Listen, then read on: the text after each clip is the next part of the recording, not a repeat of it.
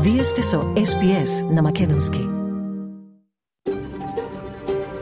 SBS, a world of difference. You're with SBS Macedonian on mobile, online and on radio. Вие сте со SPS на Македонски на мобилен, преку интернет и на радио.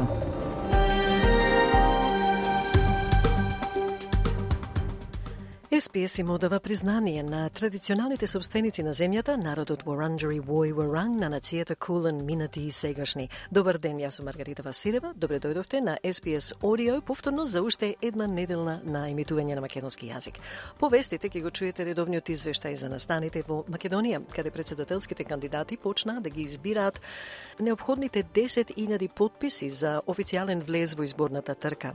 А од домашните теми, едно ново истражување покажа недостигна на свеста за шинглс кај постарите австралици. Многу луѓе мислат дека шинглс е сериозно заболување, но и дека тоа нема да им се случи на нив. Но, како што е објаснето во денешниот прилог за SBS, тоа е далеку од вистината.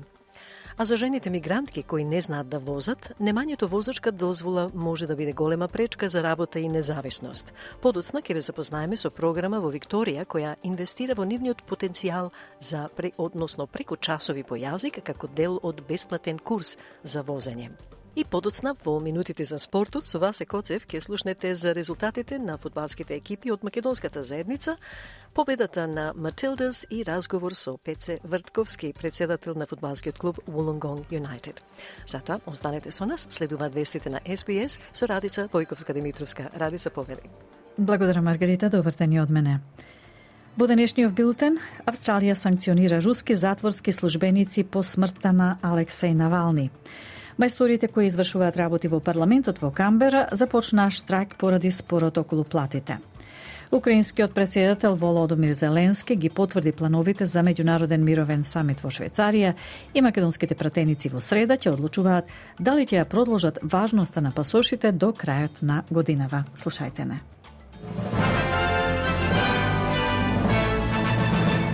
Финансиски санкции и забрани за патување во стилот на Магницки им беа наметнати на седум затворски службеници за кои владата на Австралија верува дека биле вмешани во малтретирањето на Алексеј Навални во руски затвор.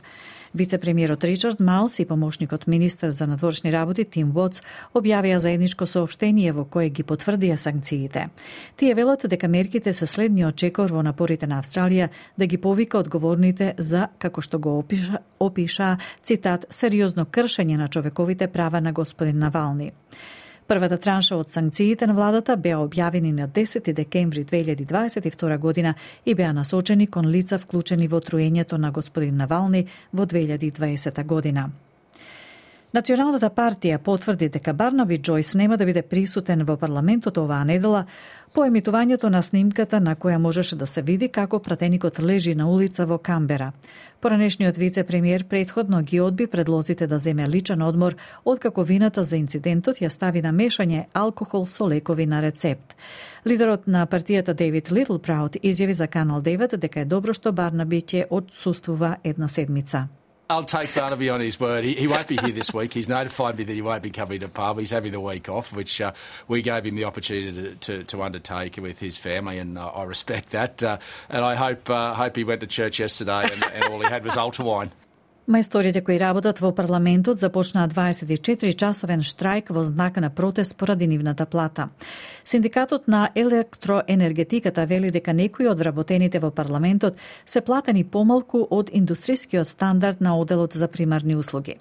Вршителот на должноста секретар на огранокот Бред Пиджон вели дека иако овие работници не бараат многу, разговорите за решавање на спорот со платите досега не биле продуктивни и додаде дека штрајкот ќе продолжи се додека не се постигне договор. These workers here today are, are not asking for much. What they're asking for is a decent pay rise to help alleviate the ongoing cost of living pressures. From what we understand throughout negotiations, um, it's disappointing that this department um, has has not come to the table genuinely to reach an outcome, uh, which has led to this action today, and this action will continue until a, an agreement is reached. Владата на Викторија вели дека наскоро ќе бидат објавени мерки за подршка на заедниците погодени од шумски пожари што продолжуваат да горат во западниот дел на државата. Најмалку шест домови веќе се уништени од пожарите во западна Викторија, за кои се стравува дека би можеле да горат неколку недели. Министерката за итни случаи Джеклин Саймс вели дека жителите околу градовите Амфитијата, Елмхерст и Раглан во близина на Баларат се уште не можат да се вратат во своите домови. Премиерот Антони Албанезе вели дека сојузната влада ќе направи се што може за да помогне. Uh, we will provide whatever support is requested from Victoria. These are difficult times, and I say to people uh, listen to the advice of the authorities. Uh, we need to make sure that we uh, watch and act when that advice uh, comes through, both here in Victoria and also in Tasmania. Сојузната влада вели дека нема да размислува за насилно распаѓање на големите синџири на супермаркети за да помогне во зголемувањето на конкуренцијата и да се намалат притисоците од трошоците за живот. Водачот на Националната партија Дейвид Литлпраут ја повика владата да донесе законски овластувања за продажба што ќе ја возможи на Австралиската комисија за конкуренција и потрошувачи да ги продаде продавниците и средствата во собственост на големите компании со цел да ја зајакне конкуренцијата. Помошник министерот за конкуренција Ендрю Ли изјави за ABC дека иако владата разбира дека недостатокот на конкуренција води до повисоки цени, сепак не размислува за принудно откупување на индустриските гиганти.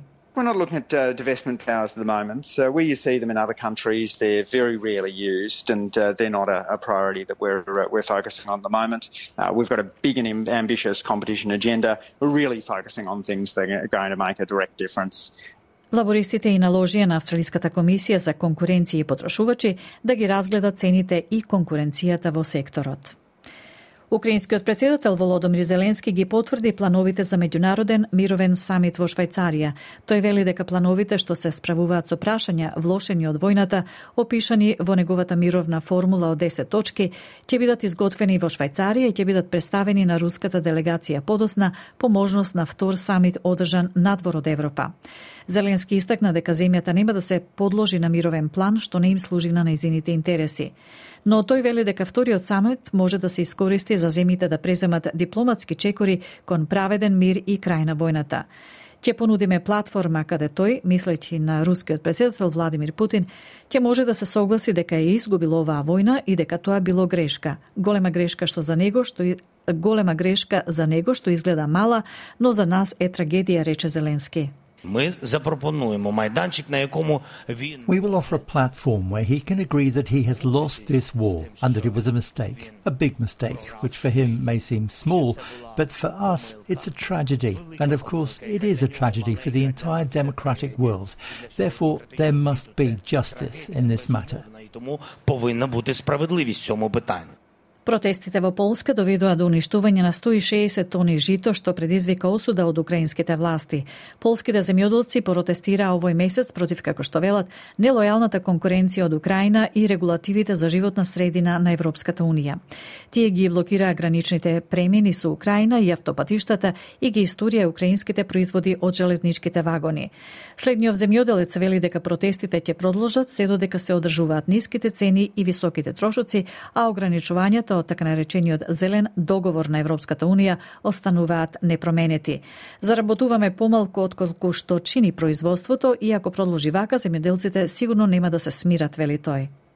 At the moment, we have the especially large problem of grain imports to the EU. This has messed up all the prices of anything to do with grain. We are making less than it costs to produce, and if it carries on like this, farmers will most certainly not calm down. Македонските пратеници оваа среда на пленарна седница во Собранието ќе одлучуваат дали ќе ја продолжат важноста на пасошите до крајот на годината.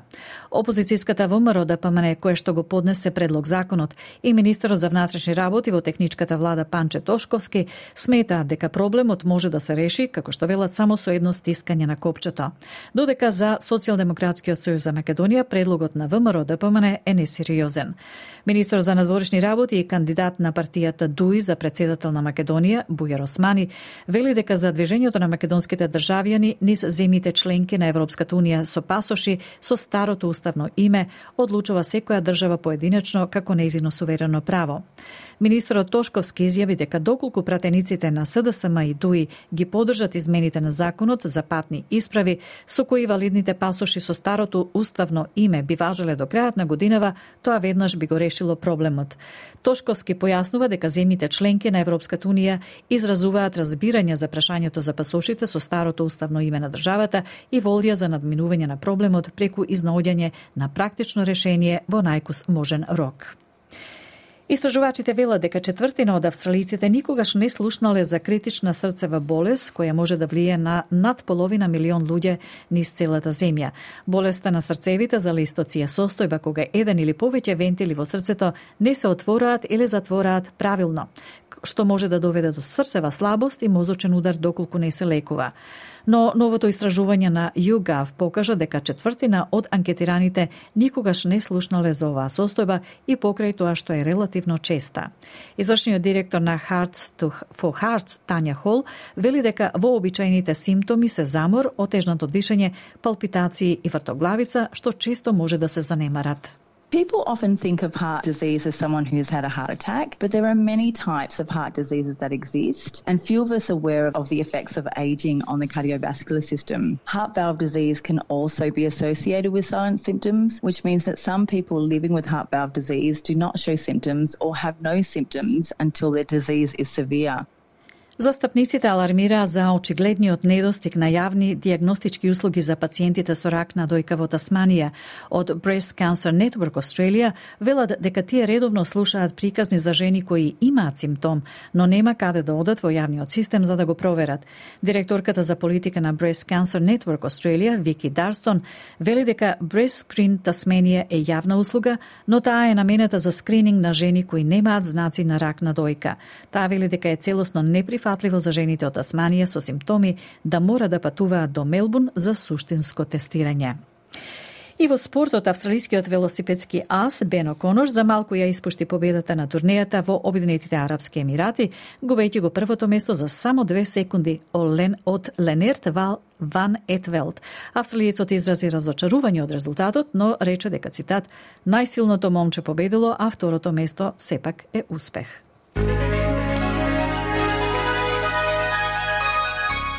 Од најновата курсна листа, денеска еден австралиски долар се менува за 0,6 евра, 0,65 американски долари и 36,91 македонски денар, додека еден американски долар се менува за 56,24 македонски денари, а едно евро за 60,85 македонски денари.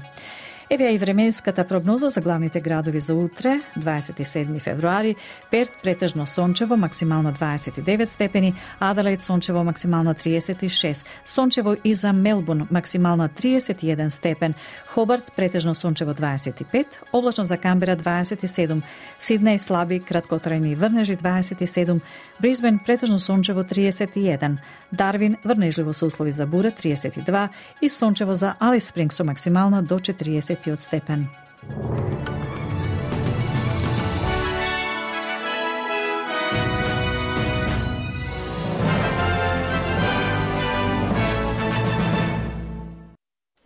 Благодарам, Радица. Денешниот билтен вести на СПС со Радица Бојковска-Демитровска ќе биде достапен на нашите веб и фейсбук страници Подоцна во денот, заедно со комплетната програма. Со вас е Маргарита Василева, а вие сте со СПС Audio на Македонски, каде во останатите 45 минути ќе слушнете вести од Македонија и многу други прилози. Останете со нас. Вие сте со СПС Audio на Македонски, со вас е Маргарита Василева. Во денешниот извештај од Македонија, председателските кандидати почнаа да ги збираат необходните 10.000 подписи за официјален влез во изборната трка. Според Државната изборна комисија во петокот и саботата подпишани се 14.360 граѓани. Најмногу подписи има за Бујар Османи од ДУИ, Максим Димитриевски од ЗНАМ и Билјана Ванковска од Левица. Председателот на собранието Јован Митрески, кој престојуваше во Украина по повод две годишнината од руската агресија, остварил средби со неколку државници. Соопшти собраниската преслужба, а се обрати и пред тамошните пратеници во Украинската рада. Македонија ќе одбележи 20 години од авионската несреќа во која загина председателот Борис Трајковски со членовите на кабинетот и екипажот на авионот во близина на Мостар. На овие теми од Македонија известува Милчо Јовановски.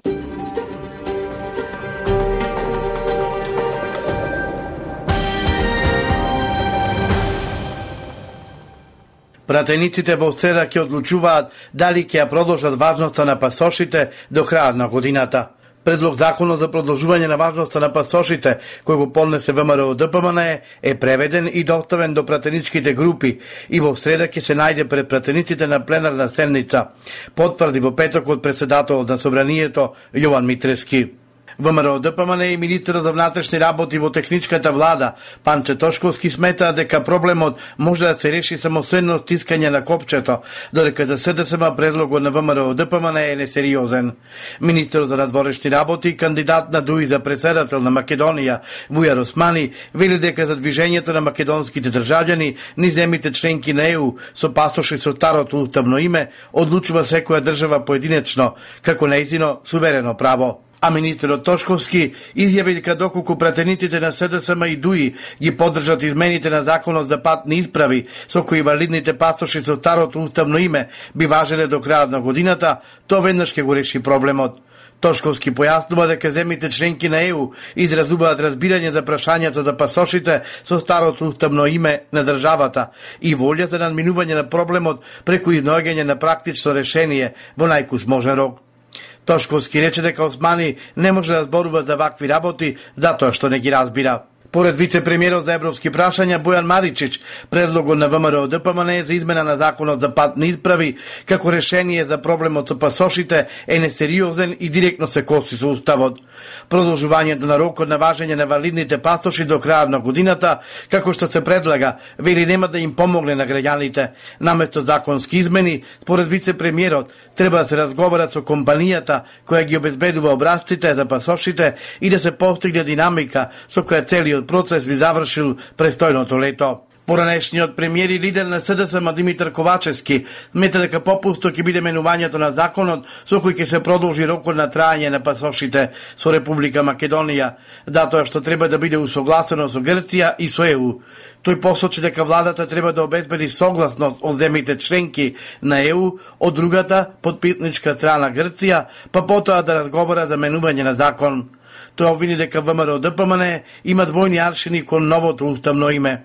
Рокот на трајањето на патните исправи за меѓународна употреба е согласно закон, кој е усогласен со законот за ратификација на договорот со Грција, рече Ковачевски, додавајќи дека патните исправи не се потребни за државата, туку за во Дополнителниот заменик министер за внатрешни работи Митко Бојмацелиев преку сообштение од МВР информира дека иселеници македонски граѓани кои живеат во странство да патни исправи треба да се обратат во дипломатско-консуларните представништва.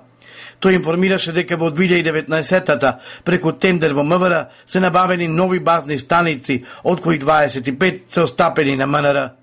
Бојма Целиев информираше дека од 1 октомври 2021 до 9 февруари годинава на 47.000 наши граѓани им се издадени нови патни исправи.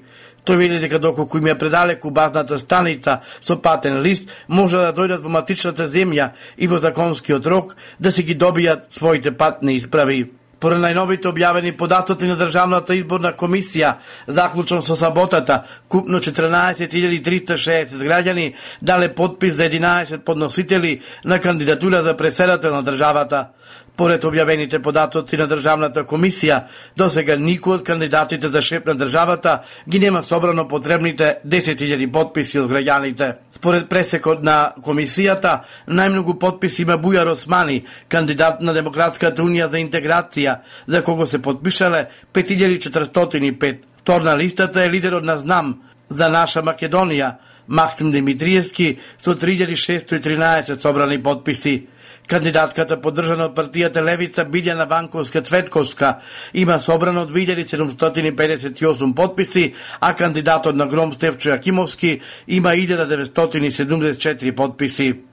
Сите останати на листата од 11 кандидати за шеф на државата имаат помалку од 1000 подписи. Кога подносител на листата на кандидат за председател е група избирачи, потребно да се собера најмалку 10.000 подписи од запишаните избирачи во избирачкиот список, додека кога подносител на листа на кандидат за председател се пратеници, потребно да се собера најмалку 30 подписи од пратениците.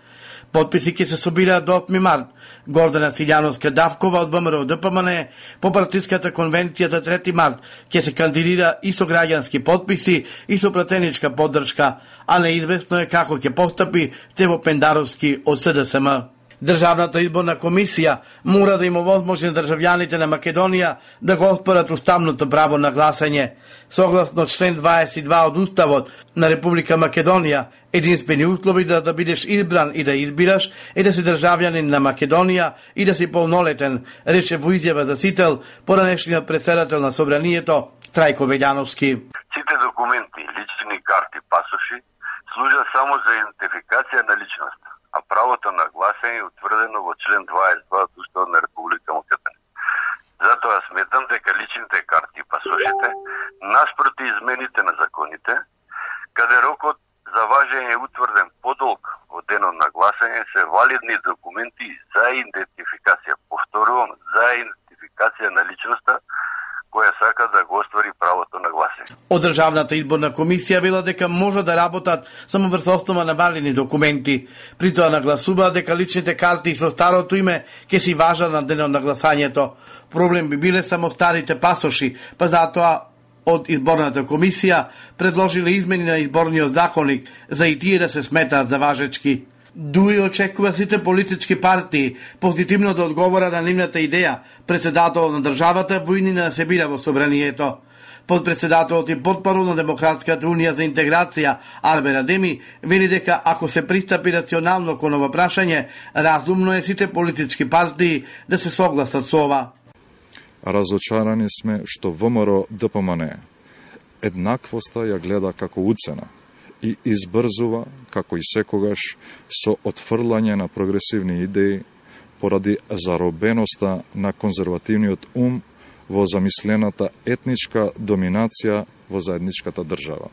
Дуи во недостиг на реални аргументи и проекти излегува со национал-романтистички барања, како што е изборот на председател на државата во собранието, возврати пратеник од Бране Петрушевски одговорницата во седиштето на партијата. Тој рече дека ставот на ВМРО ДПМН е дека под уцени ниту разговара, ниту преговара, а најмалку прифаќа уцени. Ние само ќе ги повикаме граѓаните да го следат ова однесување на ДУИ и да биде тоа дополнителен мотив за сите граѓани на наредните избори да докажат дека оваа држава не е заложник на една политичка партија и дека ДУИ како што се однесува изминативе 20 години очигледно продолжува да се да, да се однесува и наредните години, затоа време е конечно еднаш дуи да отиде во опозиција. Остануваме на ставот председател на државата да се биде на непосредни избори велат од СДСМ, потенцирајќи дека идејата председател да се биде во собранието наместо на избори не е нова. По повод одбележувањето на две годишнината од руската инвазија врз Украина, Советот за безбедност на Обединетите нации одржа брифинг за Украина, каде се обратија голем број министри за надворешни работи и други високи функционери. И министерот за надворешни работи Бујар Османи во Советот за безбедност на Обединетите нации во Нью-Йорк се обрати на брифингот. Тој одговорницата рече, цитирам, Две години од инвазијата на Руската Федерација на Украина, очигледно кршење на повелбата на Обединетите нации и меѓународното право, истакна Османи во неговото враќање и додаде. Воено ја повика Русија да ја прекине ова безмислена војна и да ги повлече своите трупи од суверената територија на Украина. Османи додаде дека ова е единствениот начин да се врати мирот и да се создадат услови за понатамошен дипломатски ангажман за правено и одржливо решение по согласно со меѓународното право и целосното почитување на суверенитетот и територијалниот интегритет на Украина. Председателот на Собранието, Јован Митрески напоканал председателот на Врховната Рада на Украина, Руслан Стефанчук, престојуваше во едномневна посета на Киев, на настаните посветени на втората годишнина од почетокот на руската воена агресија од големи размери на територијата на Украина. Во рамките на посетата, тој се обрати на специјалната селница на Врховната Рада на Украина. Да испратиме исто толку силна порака дека демократскиот свет е обединет во подршка на Украина во борбата за правда, одбрана на низината територија и одбрана од империјалните апетити на низиниот сосед. Точно две години Украина, но и сите демократски сили во Европа и светот живеат со ужасите што ги предизвика и се уште ги предизвикува Русија, со низината со ништо не предизвикана целосна агресија не само врз земјата, туку и врз украинскиот народ. Митрески во Киев оспорил поздравна средба и со премиерот на Белгија Александр Декроу. Кроу. Во рамки на да посетата на Украина, Митрески отправил посета и на Киевско-Печерската лавра и положил цвеќе на споменикот на Свети Климент Охридски во Киев. Десетици луѓе во организација на Друженијата на украинци во Македонија, Лесија Украинка, учествуваа на марш што се одржа на 24 февруари во центарот на Скопје за одбележување на две годишнината од руската целосна инвазија врз Украина. Председателот на Друженијето Лесија Украинка, Олександар Урбановиќ, пред медиумите порача дека на Украина повеќе од потребна и е воена поддршка за да може да се спречи поголема војна во Европа. Војна ќе се заврши кога ќе се седнат двете страни да, да се подпишат е, мирен договор.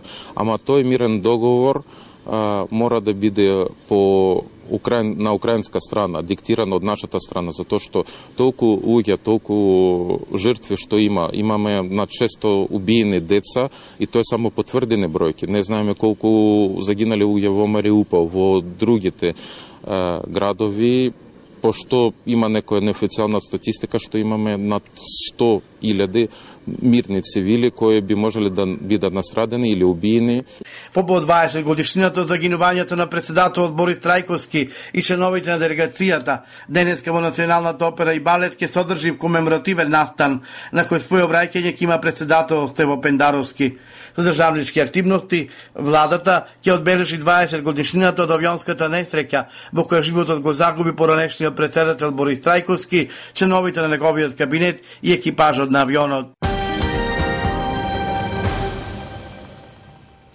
За поширок избор прилози и интервјуа, драги слушатели, посетете ја нашата Facebook страница SPS Macedonian или нашата веб страница sbs.com.au Macedonian. Таму ќе најдете и видеоклипови од разни настани во заедницата. Го слушнавте извештајот за Македонија со Милчо Јовановски, а по неколку информативни пораки од SPS ќе преминеме и на локални теми. А за крај, спортски резултати со Васе Коцев и разговор со председателот на фудбалскиот клуб Wollongong United, Пеце Вртковски. Останете со SBS Audio, каде со вас е Маргарита Василева. Продолжуваме со медицинска тема. Едно ново истражување покажа недостигна свеста за херпес зостер или познато како шинглс, кај постарите австралици. Истражувањето спроведено од GlaxoSmithKline покажа дека многу луѓе мислат дека шинглс е сериозен и дека тоа нема да им се случи на нив. Но како што ќе чуете од извештајот на Дебра Гроак за SBS News, тоа е далеку од вистината. SBS. SBS. SBS. SBS. SBS. SBS Radio. I just started getting blisters on my arm and the back of my neck. Started just itching, very itchy. A couple of days after the blisters, I went to the doctor and yeah, they diagnosed shingles. Само што почнала да добива плускавци на раката и на задниот дел од вратот, Памела почна да се чеша постојано и по неколку дена лекарот ја диагностицира со шинглс. Памела е жена која добила херпес зостер или шинглс на 50 и некоја годишна возраст. Таа ја сподели својата приказна со GlaxoSmithKline, кој отворија веб страница наречена noshingles.com.au за неделата на свесноста за шинглс. GlaxoSmithKline вели дека недоволно луѓе сваќаат колку се ранливи на состојбата шинглс. Меѓу нив беше и Максин, која исто така не знаела ништо за херпес зостер, само тоа дека е нешто што ги афектира претежно постарите луѓе. Само што Максин не разбрала колку е штетно, очекувајќи дека ќе закаже состанок кај лекарот, ќе и даде некој чудотворен лек и таа ќе оздрави. Но тоа не беше случајот. I knew nothing whatsoever about shingles other than truly it was for old people. I just didn't understand how damaging it is. And I thought, I'll make an appointment, they'll give me this miracle drug, and I'll be fixed. That wasn't the case. Заблудите за шинглс се чини дека се широко распространети. Една нова студија од GlaxoSmithKline покажа дека повеќето луѓе што биле анкетирани не го знаат ризикот од развојот на оваа состојба или не знаат колку може да биде сериозна. Професорот Тони Канингем е директор на Центарот за истражување на вируси на Универзитетот во Сиднеј. Тој вели дека шинглс е всушност прилично честа појава, бидејќи многумина од нас сме имале сипаници како деца или помлади. Тоа, според Канингем, е предизвикано од вирусот на сипаници, а потоа, како што луѓето стареат, вирусот повторно се појавува и предизвикува инфекција на кожата. Луѓето кои се изложени на ризик се оние кои стареат, особено оние на возраст над 50 години. Околу еден од тројца луѓе во нивниот живот ќе развијат шинглс во одредена фаза, изјави Канингем. It's caused by the chickenpox virus, and then as people age, the, the virus reemerges and causes an infection of the skin. The people who are at risk are those who are aging, particularly those over the age of 50, About one in three people in their lifetime will develop shingles at some stage. Постои вакцина за шинглс наречена Shingrix, која чини 560 долари по доза. Во 2023 година, Министерот за здравство Мак Патла објави дека вакцината ќе стане бесплатна за одредени групи, како што се оние на возраст над 65 години или луѓе кои се имунокомпромитирани. Министерот изјави дека ова е почетокот на најсеопфатната програма за вакцина против шинглс за постари од 65 години на планетата. Инвестиција, вели Батла, од 800 милиони долари. We see the beginning of the most comprehensive shingles vaccine program for over 65-year-olds on the planet, sort of 800 million dollars of investment there. Министерот вели дека вовидувањето на вакцините продолжува овој месец, при што стотици илјади дополнителни дози ќе бидат испорачани меѓу јануари и крајот на јуни. Доктор Меган Кембл од Националната здравствена организација, контролирана од заедницата на абориджините за SPS News, изјави дека луѓето од првите нации исто така биле вклучени во програмата за вакцинација. Кембл вели познато е дека возрастните абориджини и островјаните на Торрес Стрейт имаат поголема веројатност да добијат шинглс и поголема веројатност да ја добијат на помлада возраст. Новата вакцина е побезбедна и поефикасна од предходната и што е важно, домородните народи можат да добијат бесплатен курс со две дози од 50 и над 50 годишна возраст, истакна Кембл. We know that Aboriginal and Torres Strait Islander adults are more likely to get shingles and more likely to get it at a younger age. And the new vaccine is safer and effective, more effective than the last one that we had. And importantly, Aboriginal and Torres Strait Islander people can get a free two-dose course from the age of 50. Професорот Канингем вели дека е многу препорачливо да разговарате со вашиот општ лекар за шинглс.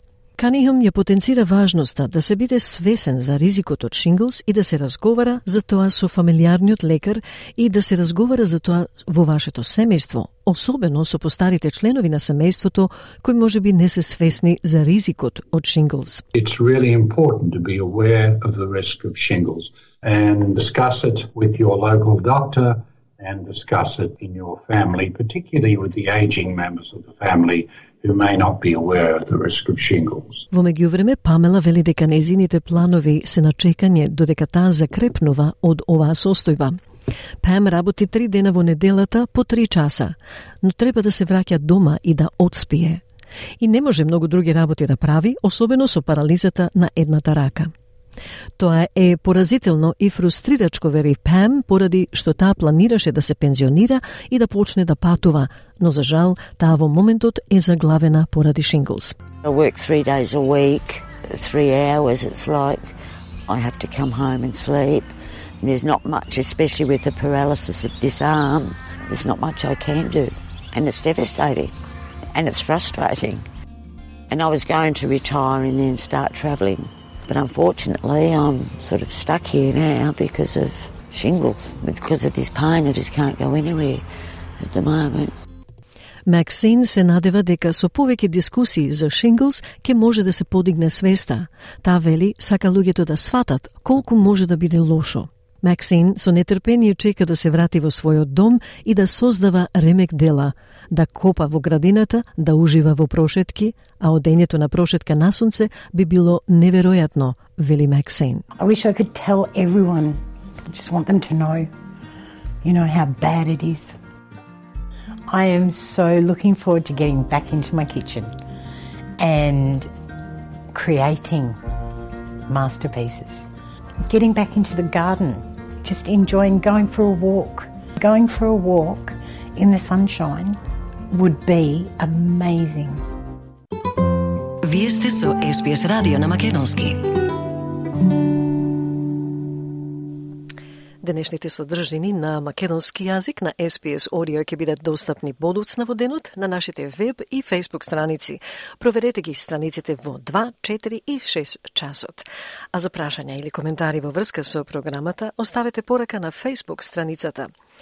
Останете сега со нас за разговорот со Пеце Вртковски, кој е председател на фудбалскиот клуб Wollongong United и кој гостуваше на последниот надпревар на престон Македонија неотамна. Во минутите за спортот, од Васе Коцев ке слушнете за резултатите на екипите од македонската заедница во фудбалските лиги низ Австралија. Победата на Матилдес во првиот надпревар за пласман на Олимписките игри и разговор со Пеце Вртковски, председател на фудбалскиот клуб Wollongong Юнайтед, кој беше гостин на последниот надпревар на престон Македонија. SPS на Македонски. Споделете ги нашите прилози на Facebook.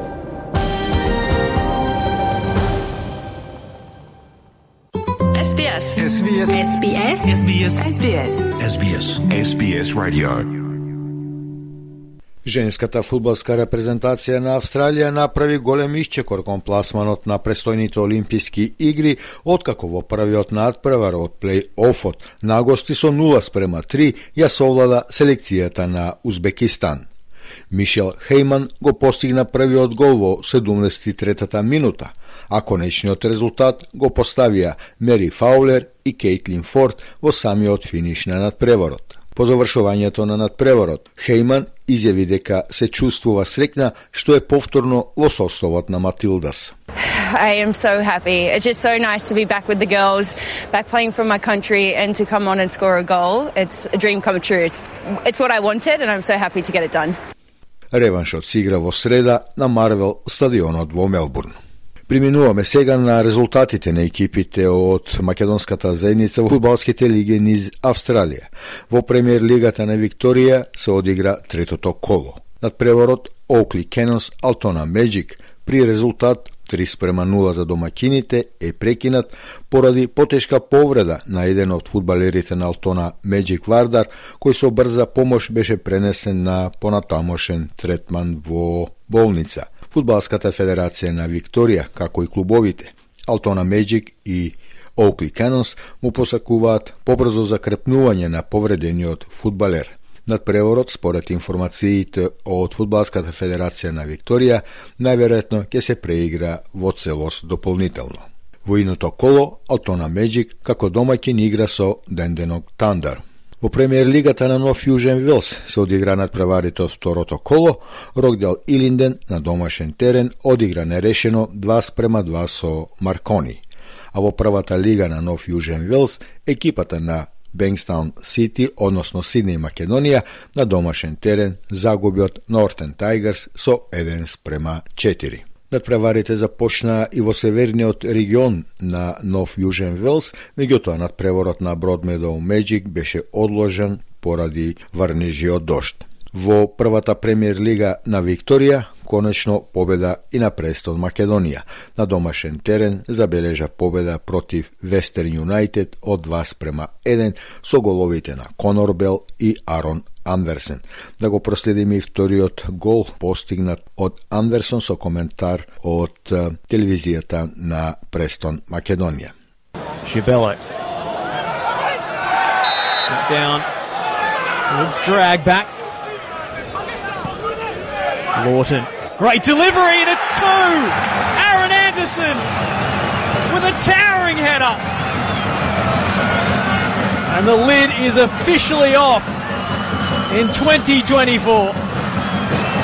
Инако на надпреворот Престон Македонија Вестерн Юнайтед како специјален гостин присуствуваше председателот на фудбалскиот клуб Вулонгонг Юнайтед, господинот Пеце Вртковски, кој ја имаше честа покрај тоа што биде гостин на клубот и да ја фрлат заедно паричката пред почетокот на надпреворот заедно со главните судии и капитените. Во продолжение ќе го проследите разговорот со господинот Вртковски за тоа дека е потребна понатамошна соработка помеѓу клубовите од македонската заедница, но и дека навивачите на Вулнгонг Юнайтед, кога Престо Македонија ќе игра во втората лига до година, ќе имат целосна подршка. Господин Вртковски, добре дојдовте во Мелбурн. Еве овде сте гости на фудбалскиот клуб Пресуд Македонија.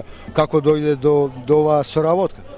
Здраво вас е, здраво до сите слушатели. Еве како како ќе се видиме овде на утакмицата, голем чест и задоволство од преседателот на фудбалскиот клуб Престон Македонија, Дајве Цветковски за поканата што ме покане како гостин вечер на утакмицата пред против Престон Македонија и Вестон Юнайтед. И еве се најдувам тука на терен, голем народ, добра атмосфера и му посакувам све најдобро на Престон Македонија да дојси три бода. Да, вие на почетокот на преворот. ја фрливте паричката, она заедно со судиите. Е, да, тоа е точно. Е, ко беше месека пред 3-4 недели имаме добра соработка со Престон Македонија и, и тие бега презадоволни од нашето пречек во Волонго и еве истиот пречек и исто а, почет ми дадо мене како председател на фудбалскиот клуб Волонго Юнайтед и е на големо голем благодарност. Тоа е голем чест да видиш пред публиката да ја фрлиш а, паричката пред утакмицата. Значи голем благодарност до сите македонци, а посебно до Престо Македонија и председателот Дајве Светковски. За Престо Македонија велат дека е најпознат клуб надвор од границите на, на Македонија во диаспората, па ако направиме една мала споредба компарација со Вулонгонг Юнайтед нема компарација. Престон Македонија била и ќе биде најголема македонска фудбалска екипа овде во Австралија. Тие беа во национал, а, првата национална лига и еве како што знаеме сите, сега в година 2025 година ќе се вратат во втората лига, во националната лига, втора лига, тоа е значи една големо задоволство на сите македонци и од нашиот клуб Вулуго Македонија му посакуваме голем голем успех во втората лига и јас се надевам за 2-3 години Престо Македонија може и да влезе и во прва лига, во Ај лига без проблем. Ова публика, овај народ, овие спонсори се загреени и, и му посакувам све најдобро. А ми се чини дека Престо Македонија ќе ќе баре и поддршката од македонската заедница во Вулонгонг, бидејќи и Вулонгонг Вулс ми се чини дека се во истата лига, па ќе можете и таму да ги гледате. Е, да, тоа е точно. И Вулунго Вулс влезе во лигата и вечер а, председателот најави заедно дека тие кои ќе кој се кој ќе се во Вулунго, тие кои го користат нашето игралиште Македонскиот парк во Беркли како како за тренинг, како за подготви и тоа е пак едно големо задоволство до преседателот, ќе имаме голема соработка а, и во иднина, да. Е сега, се навратиме малку и на фудбалскиот клуб Вулгонг Юнайтед, се ближи почетокот на сезоната, па за разлика од минатата сезона има промени во играчкиот состав, во тренерскиот состав? Да, Васе, а, ние лани не беме задоволни како управа од, од екипата и тренерите, значи имаме нов тренер, македонски тренер, тој е Роберт Јоновски, ние подпишаме 7-8 нови играчи и мора нашиот клуб да се бори за трофеја, исто како во 2022 година, каде ние во Австралија Кап влегоме во последните 32 екипи, на прво место завршиме и исто беме во финалите. Значи, такви успеси нашиот клуб мора да, да ги постигни. Немаме второ место, ние мора се бориме за прво место. А, тренинзите предпоставам дека се одвива нормално и дека екипата веќе е подготвена. Екипата еве има три месеци кај што се подготвува, има остана уште 7 дена до првенството. Нашата прва утакмица е дома. Тоа сега се изиграни 7-8 пријателски утакмици и можам да кажам дека сите 7-8 се добијани. А, утре сабота уште една последна пријателска утакмица, после тоа започнува првенството и очекуваме добра добра сезона. А, во составот има играчи со македонско потекло? Васе тоа е добро прашање, можам да кажам рекорд ова година има 9 македончина во екипата. А, можам да ди најавам како сакаш, ама се 9 македончина, капитено наше македонец Дени Лазаревски ве 5-6 години во екипата, а се 9 македончина во 16 а, играчите што е во првата екипа. Да, бидејќи забележувам минатата година убав успех постигна и втората екипа од македонската заедница во Вулунгонг, еве да го искористаме вашето присуство, тоа е Кринджила Лајонс. Постои соработка со Кринджила Лајонс, секојаш тие македонски дерби надпревари се интересни таму во Вулунгонг. Да, има голема соработка, еве македонскиот кап заедно го одржиме и беше сварно можам да кажам вас еве од 2008 година се игра меса кап секој година и можам да кажам дека беше ова година најуспешно, најпоќе екипи, многу многу убав се поминаме сите. Сварно има добра екипа, лани постигна второ место и и, и ни му посакувам добар успех ова година. А, ние ке стално ќе работиме, ама на терено кој е подобар тој ќе добија се. Да, секако тоа е спорт, тоа е фудбал и ми се чини дека има уште една екипа од тој регион, Илавара регионот, тој екипата на Шалхаба, мисли че. Е да, тоа е точно, има уште една македонска екипа, тие се се вика Шелкаев, сега се вика а, футболски клуб Шелхаба и тие се а, македонски клуб. Исто и ние му посакувам што најдобро во сезоната, кој е подобро на теренот на добија, најважно ќе има добри утакмици, интересни утакмици, големи дерби преку сезоната. И на сите екипи му посакувам добар успех, кој е најдобар, тој нека добија. Господине Вртковски, благодарам за овој разговор и многу успех во првенствените надпревари и воопшто во екзистирањето и постоењето на фудбалскиот клуб Вулунгонг Юнайтед. Фала вас е во секој време пак да се случиме преку сезоната, ама пак му посакувам на управата, на клубот Престон Македонија, голем успех ова година и во иднина во втората лига и му, му, му се заблагодарувам за почит и што ми дадо мене како председател ова вечер а, и по, му посакувам добар успех. Благодарам. SBS. SBS. SBS. SBS. SBS. SBS. SBS Radio. Го слушнавте спортскиот извештај со Васе Коцев, а воедно и разговор со господинот Пеце Вртковски, председател на фудбалскиот клуб Wollongong United. А за крај да се подсетиме и на главните вести на SPS.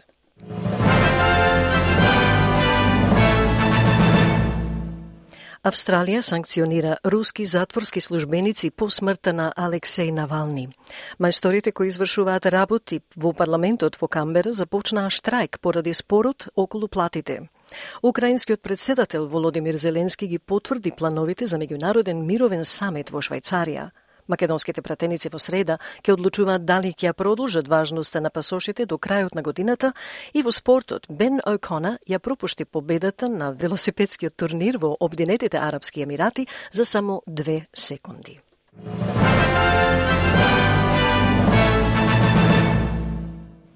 И тоа е се за денеска, почитувани слушатели. Ви благодарам што бевте со нас во изминатиот час. Ве очекувам и утре во исто време, во меѓувреме за избор прилози, интервјуа и видео репортажи за македонската заедница. Посетете не на нашата интернет страница sbs.com.au косацрта Macedonian, а исто така и на нашата Facebook страница SBS Macedonian. А да ве подсетам дека во утрешната програма ќе ве вратиме во далечната 1960 година, кога се освети првата македонска православна црква надвор од татковината, ќе ги чуете сеќавањата на неколку сонародници од Мелбурн кои имаат чест да го запознаат првиот православен свештеник кој имаше огромна задача да ги повика и сплоти македонците под покривот на црквата Свети Георги во Фицрој, а тоа беше Георги Ангеловски, кој исто така беше активен поддржувач на останатите друштва под покровителство на црквата. Тоа беа раните почетоци на организираниот живот на македонската заедница во Мелбон. Тој прилог почнува утре и ќе биде во два дела. Од Маргарита Василова се најубаво и до слушање до утрешната програма. Стиснете, ми се допаѓа, споделете, коментирајте. Следете ја SPS на Македонски на Facebook.